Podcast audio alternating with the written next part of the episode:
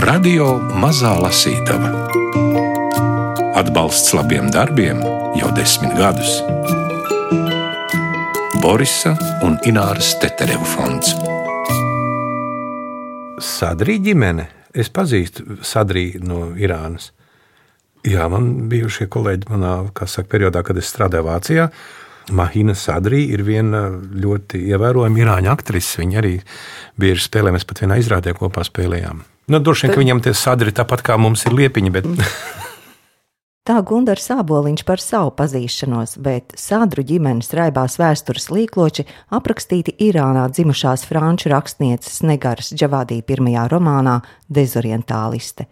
Jau pats grāmatas nosaukums precīzi raksturo romāna vēstījumu. Tas ir par rietumu un austrumu saskari, par spēju vai nespēju saprasties un kopā dzīvot, kā arī par dezorientāciju laikā, telpā, sevī, par cilvēku sevis meklējumiem romāna centrā laikmetīga sieviete Kimija Sadra. Bet kā Negars Džavadī romāns nonāca Jāņa Rozes apgāda uzmanības lokā, to jautāju apgāda vadītājai Renātei Punkai. Grāmatai man, man uzmanību pievērsa tulkotāja Inta Šmita, kura ļoti uzcītīgi seko labām lietām, kas notiek franču literatūrā. Un viņa toreiz man teica, ka ir izbrīnīta, ka šī grāmata ir saņēmusi, viņa tika nominēta praktiski visām lielākajām literārajām balvām. Francijā tur šī nominēšanas un, un balvu piešķiršanas sistēma ir diezgan sarežģīta, un, un tas, ja rakstnieka pirmais romāns tiek nominēts tik tik lielam skaitam balvu, tas jau par kaut ko liecina. Par kaut ko liecina arī tas, ka viņa saņēma balvu par labu stilu. Un, uh, izlasot uh, grāmatas tulkojumu angļu valodā, kas parādījās jau diezgan ātri pēc tam, kad grāmata iznāca franču valodā, es sapratu, ka, jā, ka šī tēma tik tiešām ir mums iespējams mazliet svešāda, bet tieši tāpēc ārkārtīgi interesanta. Jo Negārģa vadī stāsta par lietām, kas ir viņai personīgi ļoti labi pazīstamas, jo arī viņa pati ir augusi tādā līdzīgā ģimenē kā grāmatas galvenā varone. Un tie ir īrāņu inteliģenti, īrāņu tādi dumpinieciski noskaņoti cilvēki, kas ir mēģinājuši Irānu padarīt par īsteni demokrātisku. Jo mēs, protams, dzirdam un esam daudz lasījuši ziņās par dažādām problēmām un konfliktiem šajā reģionā, un Irāna nevienmēr parādās tādā labvēlīgā gaismā. Te pašā laikā visi cilvēki, kas tur ir pabijuši, ir ārkārtīgā sajūta sajūsmā gan par to daudzveidību, kas šajā milzīgajā zemē valda, gan par to cilvēku sirsnību, atvērtību un, un šīs kultūras tiešām bagātību. Un tas bija arī viens no tādiem motīviem, kāpēc mēs nolēmām, ka romāns noteikti ir pelnījis arī nonākt pie latviešu lasītājiem. Tā tad ir 1944. gada māja rīts Kazvīnā, pilsētā, kur dzīvoja Mirzā Ali ar ģimeni, pusceļā starp Māzenderānu un Teherānu. Kamēr visā zemē jūtams otrā pasaules kara sekas, posts, inflācija un nabadzība, kaut kur plašajā pasaulē amerikāņi un sovieti kā īsti bandīti pakluso risina pārunas par Irānas naftas koncesijām. Pilsētas centrālajā laukumā piecgadīgs puišelis netīrās skrandās tuvojas Mirzam Ali, kā tāda kinozvaigzne ģērbies pa farangi, nu, rietumnieku modei. Piešķieptu filca cepuru uz pusplikās galvas Mirzā Ali nu pat bija piedalījies svarīgā sanāksmē ar pilsētas augstmaņiem un garīdzniekiem.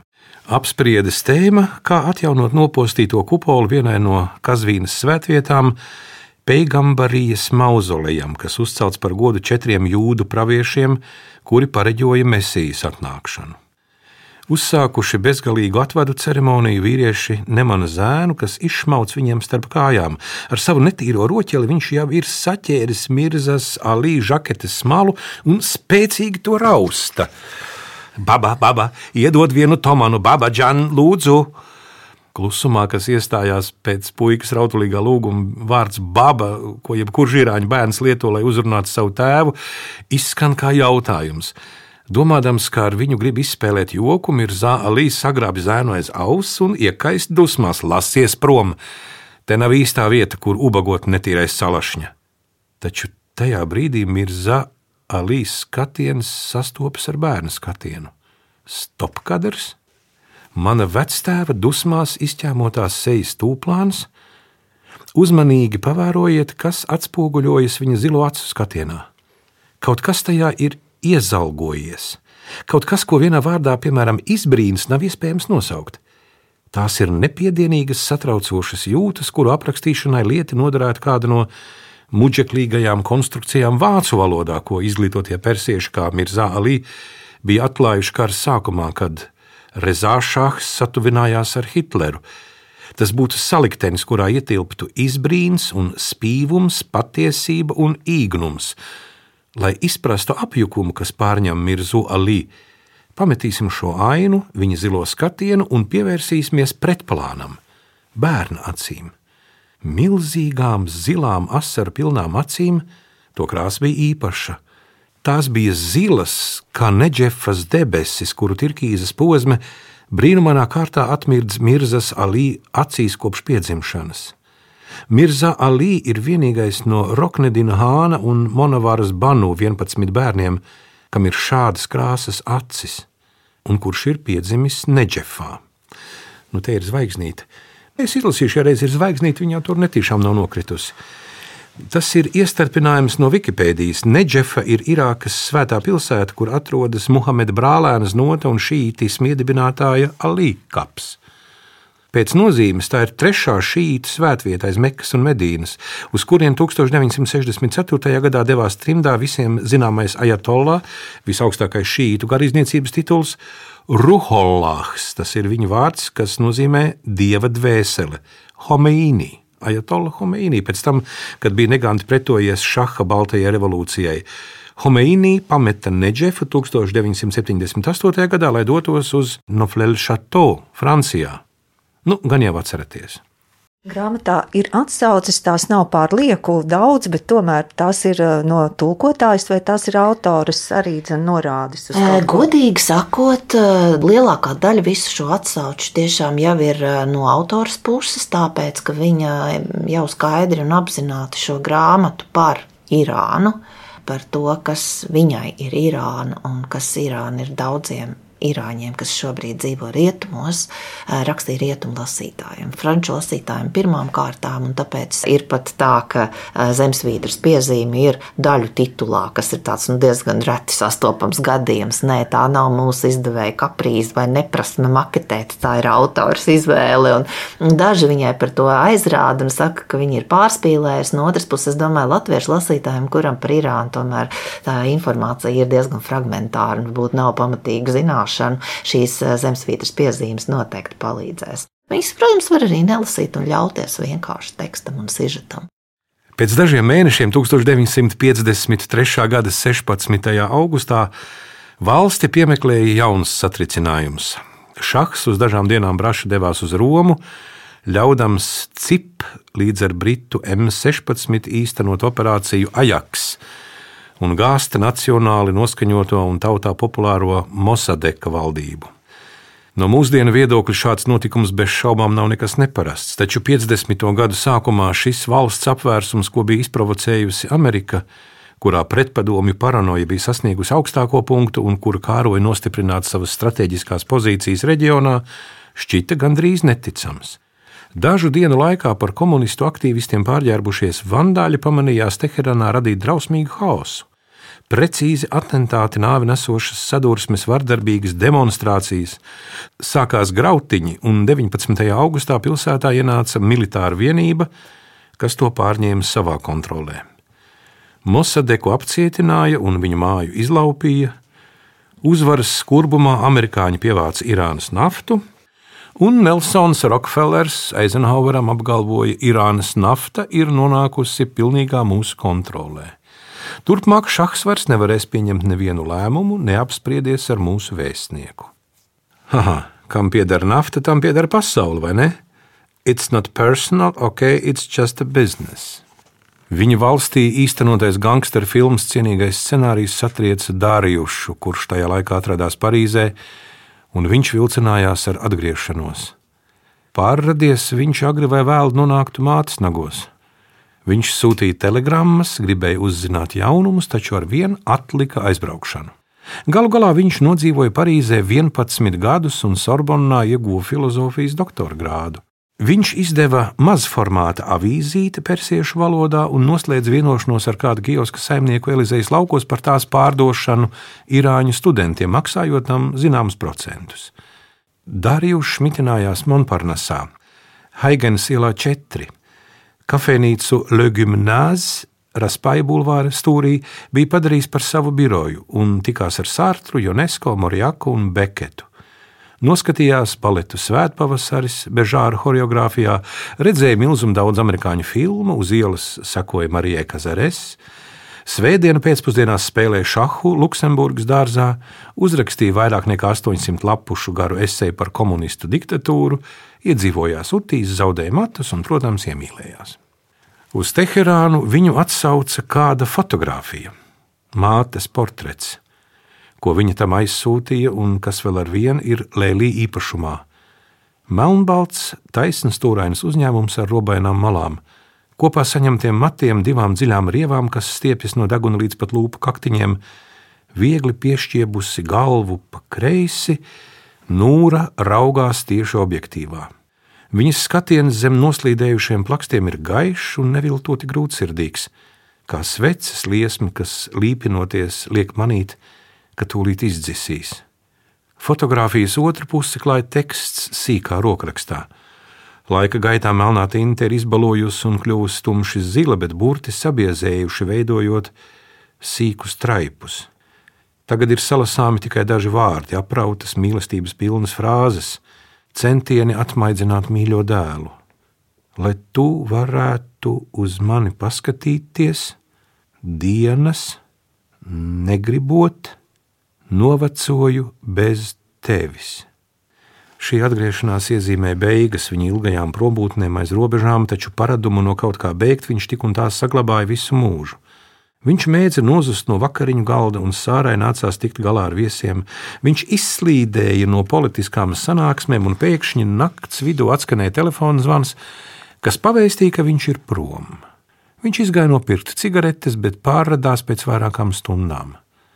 Kāda viņa būtības daļa pastāvīgi mitinājās izsūtījumā?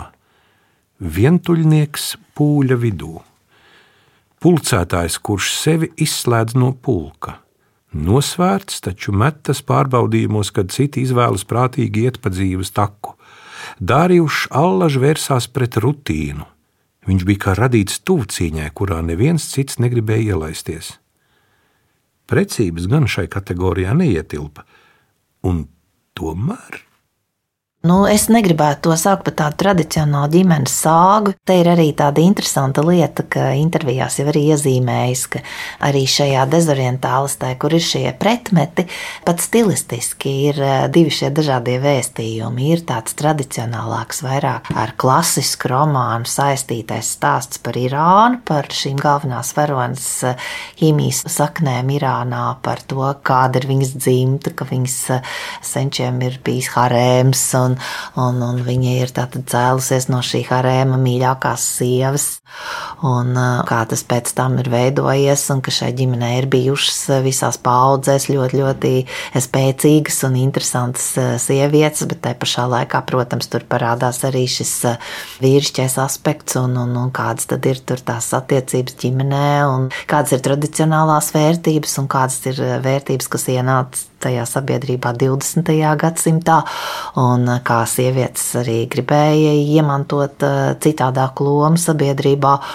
Un, un tad ir šis eh, skatījums jau mūsdienu Francijā, jo eh, Kimija tā tad nonāk Parīzē un sāk tur kopā ar savu ģimeni dzīvot, tad, kad viņai ir vēl maza meitene tādā agrīnā pusauģu vecumā, un visa viņas jaunība, visa viņas personības eh, nostabilizēšanās ir saistīta ar šo jautājumu, vai es gribu saglabāt savas saknes, vai es gribu tās apcirst, kā man tātad meklēt šo savu pašas identitāti, vai saglabājot to vidi, no kuras es esmu nākusi, vai, vai savukārt nostājoties tai pretī un, un būdama ļoti radoša un, un, un tāda spilgta personība, viņa izvēlas tādu arī ļoti radošu dzīvesveidu un pati autora Negarģa Vadi ir baudījusi gana labu izglītību Francijā, un viņa arī stāsta par to, ka tas stāstījums par Francijas laiku, tas ir stipri ietekmējies no tām tradīcijām, kādās tiek rakstīta franču literatūra, kura tiek rakstīta mazliet citādi nekā varbūt britu literatūra vai itāļu literatūra. Un tā kā es domāju, ka tiem, kas jau ir sagatavotāki tieši šāda aspekta vērtēšanai, arī tāpēc šī grāmata varētu būt interesanta. Tomēr no mums trim tieši Mina visvairāk deg nepacietībā atstāt Irānu. Kad aizbrauca Dārjušs, viņa lūdzās sāru, lai viņam sekojam. Mums jādodas prom, tas sodīts, nav nekādas jēgas te palikt. Mēs visu laiku vai nu melojam, vai slēpjamies, tā jau var sajūt prātā. Viņa dažādās toņkārtās atkārtoja. Viņai bija apriebusies politika, apriebies dzīvot pie purvakiliem vai tēvoča numur divi. Mina uzskatīja, ka viņai ir tiesības dzīvot parastu dzīvi, it īpaši tāpēc, ka kāja nemitīgi atgādināja parāds pret šo valsti jau ir nomaksāts. Sirds dziļumos viņa bija pārliecināta, ka ir cietusi vairāk nekā mēs, un ka tāpēc ir galvenokārt jāņem vērā viņas domas. Nelaime tā, ka nonākusi Parīzē, Mina aptvēra, ka francūžiem par Irānu ir graujošs iespējas. 444 dienu ilgās Homeīnī par lielo sātanu dēvētās Amerikas vēstniecības okupācijas laikā Irāna uz mūžiem ieguva atpalikušas, fanātiskas un pret rietumiem naidīgi noskaņotas valsts reputāciju. 80. gada sākumā francūži neredzēja lielu atšķirību starp mums un hezbolliešiem. Skolotāji un skolēni uzdeva mums nepiedienīgus un reizēm aizskarošus jautājumus, kas liecināja galvenokārt par viņu nezināšanu. Stundas laikā kāda meitene skaļi vērsās pie minas un jautāja, vai viņai nav par apgrūtinājumu nākt uz skolu bez galvas lakata. Kāda cita, kuru bija izbrīnījis, ka mina skolas ēdnīcā ēd šķiņķi, paķēra to no viņa šķīvja un parādīja, lai visi redz. Par šiem sarūktinājumu pilniem atgadījumiem mina stāstīja lēnā, nogurušā tonī, kas ļāva noprast, cik ļoti tie viņu nomāca un iedarbojas kā skābi, kas uzliet uz tās viņas būtības daļas, kura kopš bērnības bija idealizējusi Franciju. Līdzīgi pekstiņi gadījās arī ar Lēlī un man, taču mēs tos uztvērām citādi. Mina cieta kā iemīlējies cilvēks, kura jūtas tiek atraidītas. Patiesībā sakot, vēl šodien man reizēm nākas saskarties ar līdzīgu reakciju un īsumā iepazīstināt ar Irānas jaunāko vēsturi, lai liktu saprast, kurā ierakuma pusē mēs atrodamies. Ir pagājuši gandrīz 35 gadi, bet mani joprojām pārsteidz tas, cik žigli Francija izstūma no savas atmiņas faktu, ka tā bija uzņēmusi Homeīnī noklusējot savu atbildības daļu turpmākajos notikumos. Nu, te atkal ir zvaigznīte, un zvaigznīte mums liek uzzināt, ka kāpēc Valērija Žiskārs de Stēns atvēra Francijas durvis Homeīnī, kuras Sadams Huseins bija izdzinis no Neģefas, pakļaujoties Irānā valdošā režīma spiedienam. Vai aiz bailēm, ka Irāna nonāks komunistu rokās, kā baidījās iekšlietu ministrs Mišels Poņatovskis, vai tāpēc, ka pretēji Kārteram domāja, šahs dosies prom un gribēja nodrošināties ar strateģisku pozīciju Irāņu aprindās. Un kad Homeīnī nonāca Francijā, kas notika? Kāda tirgošanās, kāda solījumi? Kādu pirmdienas rītu, dažas nedēļas pirms gala pārbaudījumiem, franču valodā sāra pielika šim panīkumam punktu brutālā un neparastā veidā. Viņa iebrāzās mūsu istabā un norāva sēgu, zem kuras mīna tvērās jau dienām, Nu, vienreiz pietiks, es neļaušu tev izbojāt nākotni. Viņa iebļāvās. Saķērusi mīnu aiz rokas, viņa to izrāva no gultas, iestūma dušā, vēl sakliedza un pavadīja līdz licejam. Kad Mina ieraudzīja sāru šādā stāvoklī, viņas pretestība sabruka. Viņa ilgi raudāja un pamazām saņēmās, taču viņa nekad vairs nebija tāda kā agrāk. Atlikušos spēkus viņa tagad izlietoja, lai nospraustu sev mērķi, kura sasniegšanai turpmāk metodiski nodevās. Sāras attieksmē nekas neliecināja, ka viņa justos vainīga. Starp sevi un mums viņa ieturēja distanci, un mēs to izskaidrojām ar viņas grūtsirdīgajām skumjām. Pievērsusies zaudētajai dzimtenei, atstātajiem cilvēkiem, viņa vairs nejūta nepieciešamību rūpēties par mums, kas bijām drošībā. Tomēr reizēm iedomājos, ka viņas ārējā atsvešinātība bija veids, kā mums darīt zināmu, ka viņa ir tukšā un bez padoma, kas viņai kā mātei īsti būtu darāms. Acīm redzot, viņi vairs nesaprata, kas mēs esam, ne arī ko viņi ir tiesīgi no mums sagaidīt, tagad, kad apsolītās zemes vietā esam nonākuši strupceļā. Atrauti no dzimtajām saknēm, mēs bijām kļuvuši nevien par svešiniekiem citā zemē, bet arī sveši cits citam. Ir parasts uzskatīt, ka lielas sāpes nostiprina saites. Attiecībā uz trimdu tas nav tiesa. Izdzīvošana ir katra paša ziņā. Vai šī autora tagad paliks jūsu tādā uzmanības lokā? Nu, jāsaka, ka Negarģa vadīja nav tāda čakla rakstītāja, un uh, ilgāku laiku tad, romāns iznāca nu, jau pirms pieciem gadiem, un, un ir tulkots diezgan daudzās valodās, un saņēmis uh, balvas arī Amerikas Savienotajās valstīs, un bijis nominēts arī Lielbritānijā vairākām balvām par labu tulkojumu. Un um, visu laiku kaut kādas aktivitātes bija, bet Negarča vadīja arī kinematogrāfiste. Viņa gan raksta scenārijus, gan, gan uzņem filmas. Un, acīm redzot, arī šī viņas daļradas šķautne nu, nebūtu nav mesta malā, tāpēc, ka ir bijusi tādas veiksmīgas pilkta debija literatūrā. Un, godīgi sakot, mēs tikai tagad, pirms nepilna mēneša, saņēmām otru viņas romānu manuskriptu, un pašlaik Intu Šmita viņu lasa, nu redzēs, kāds būs viņas verdikts. Ar šādu intrigu atvedāmies. Lasītavā šoreiz viesojās Jāņa Rozes apgāda vadītāja Renāte Punka, fragmentus kā Allaž lasīja Gundars Sāboliņš, par skaņu rūpējās Rēnis Budze, producente Agita Bērziņa. Novēlot sastapties ar bagātu un vērtīgu lasām vielu, atsveicinos arī es, Laima Slava. Radio Mazā Lasītava Atbalsts labiem darbiem jau desmit gadus. Borisa un Ināras Teterevu fonds.